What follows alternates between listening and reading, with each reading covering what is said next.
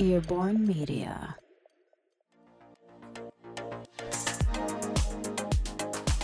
Dzień dobry, nazywam się Artur Kurasiński i zapraszam Cię do wysłuchania mojego podcastu. Jeśli interesujesz się innowacją, inwestowaniem, startupami i tym, jak technologia zmienia świat, w którym żyjemy, to zapraszam do subskrypcji mojego newslettera pod adresem technofobia.com.pl, w którym znajdziesz wiele takich treści. A teraz życzę miłego słuchania. Dzień dobry, witam serdecznie. Ja nazywam się Artur Kurasiński, a to jest wstępniak do newslettera Technofobia. W tym tygodniu chciałbym Ci opowiedzieć o tym, jak zajmuję się, jak oceniam swoje projekty. Bo przed majówką zorientowałem się, że od momentu, kiedy narzekałem na szybki upływ czasu i, i koniec roku, i złą pogodę i te wszystkie rzeczy, które towarzyszyły nam e, grudniowej zawierusze, no minęło już prawie 5 miesięcy i wraz z majówką, no właśnie majówką, wkraczam tak naprawdę w moment, kiedy większość moich projektów, jakie zaplanowałem na ten rok 2022, powinno albo finiszować, albo mogę je wyrzucić do kosza. Po prostu muszę jakoś je ocenić. Niestety, w czasie normalnego tygodnia pracy, wyznaczonego przez spotkania, statusy, gaszenie różnych bieżączek i pożarów, bardzo rzadko mam możliwość zatrzymania wszystkiego na chwilę i znalezienia czasu na ocenę właśnie tych projektów. Dlatego tak bardzo szanuję mój specjalny dzień w roku, który nazywam OPK, ocena projektów Kurasa. Jest to moment tylko dla mnie, dla moich przemyśleń, dla moich projektów. Nie konsultuję, nie dzwonię, jestem tylko ja, czysta tablica i markery. Wyłączam wszystkie telefony, staram się nie korzystać ze sprzętu elektronicznego, zamykam się na cztery spusty i rozmyślam.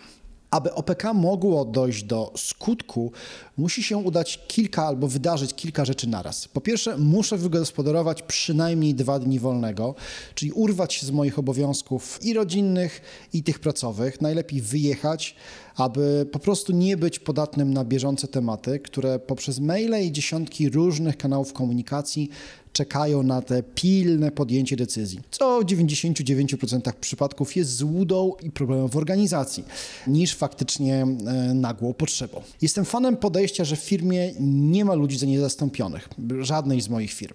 Nie dlatego, że nie doceniam geniuszu i talentu ludzi, z którymi pracuję, ale jestem realistą i wiem, że ludzie zmieniają swoje poglądy na pracę, lubią zmieniać stanowiska, nawet czasami firmy, albo z powodu różnych życiowych zakrętów po prostu znikają z takiej organizacji. To samo tyczy się osób, które to wszystko trzyma w garści. Na samym początku uwielbiamy przyzwyczajać się do myśli, że to jest moja firma, mój zespół, moje projekty.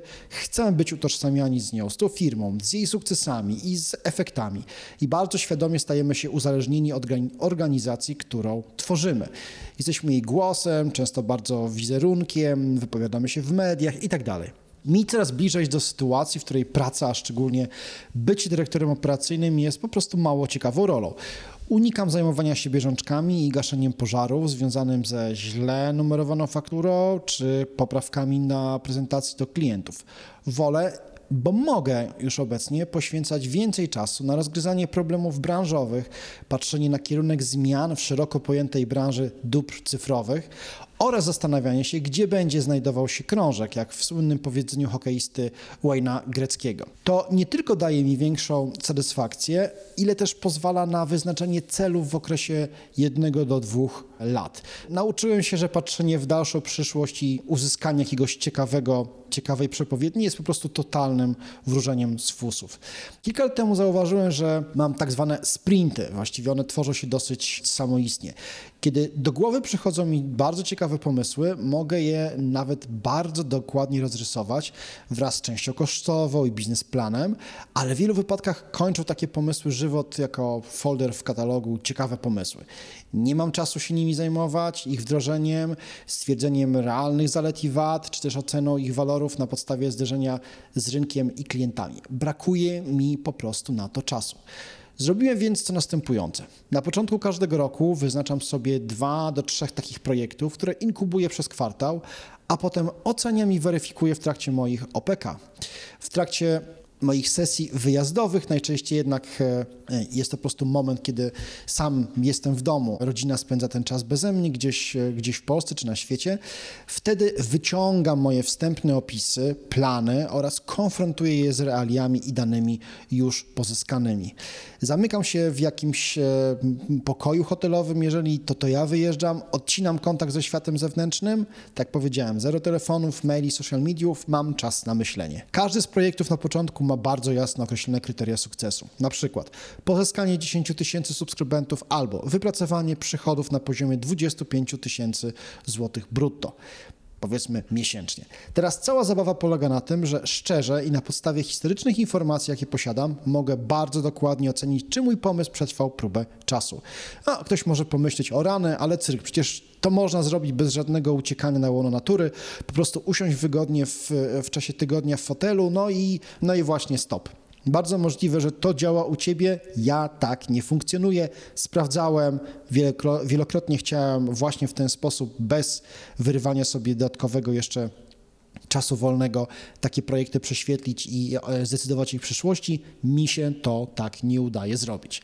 Pracuję bowiem w trybie tygodniowym. Mam bardzo jasno rozpisane 75% czasu, to powtarzalne procesy, statusy, spotkania, podróże itd. Tak Reszta zagospodarowywana jest poprzez nagłe potrzeby w stylu pojawił się nowy inwestor, trzeba z nim usiąść, nawiązać kontakt, zbadać jego podejście pod kątem naszych firm itd. Tak Wyjście poza taką fazę funkcjonowania w rytmie tak zwanym bieżącym jest u mnie w zasadzie niemożliwe. Całość mojego procesora, czyli mózgu, zajmuje tematy, które dzieją się w perspektywie następnych kilku dni, do właściwie ten horyzont to jest 7 dni.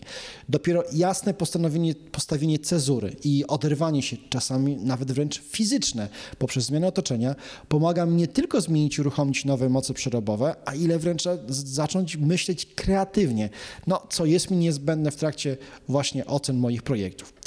Podobny proces przechodzę w trakcie wakacji, na które zabieram w 90% literaturę rozrywkową i staram się nie myśleć o projektach, nad którymi pracuję. Mój mózg, uwolniony z okowów tygodniówek, nagle sam z siebie potrafi wpaść na bardzo ciekawe koncepty, które właśnie zapełniają mój folder ciekawe pomysły, będąc rezerwuarem kolejnych projektów na następne lata. Dlatego moje OPK trwają do dwóch dni. Dlaczego? Bo nie mogę pozwolić sobie na dłuższe wyjazdy w trakcie tak zwanego pracowitego czy pracowego sezonu.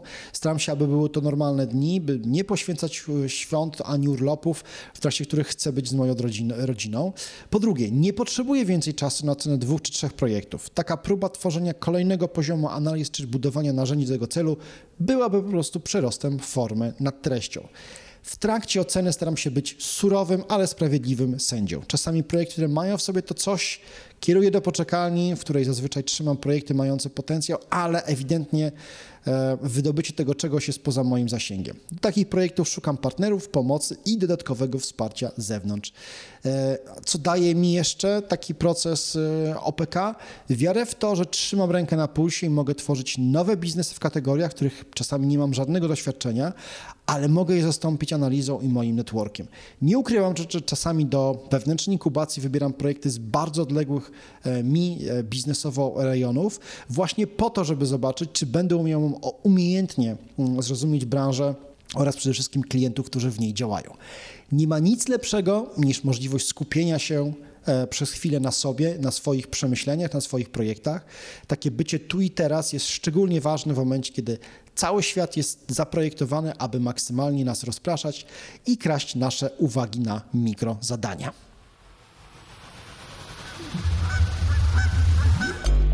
Earborn Media.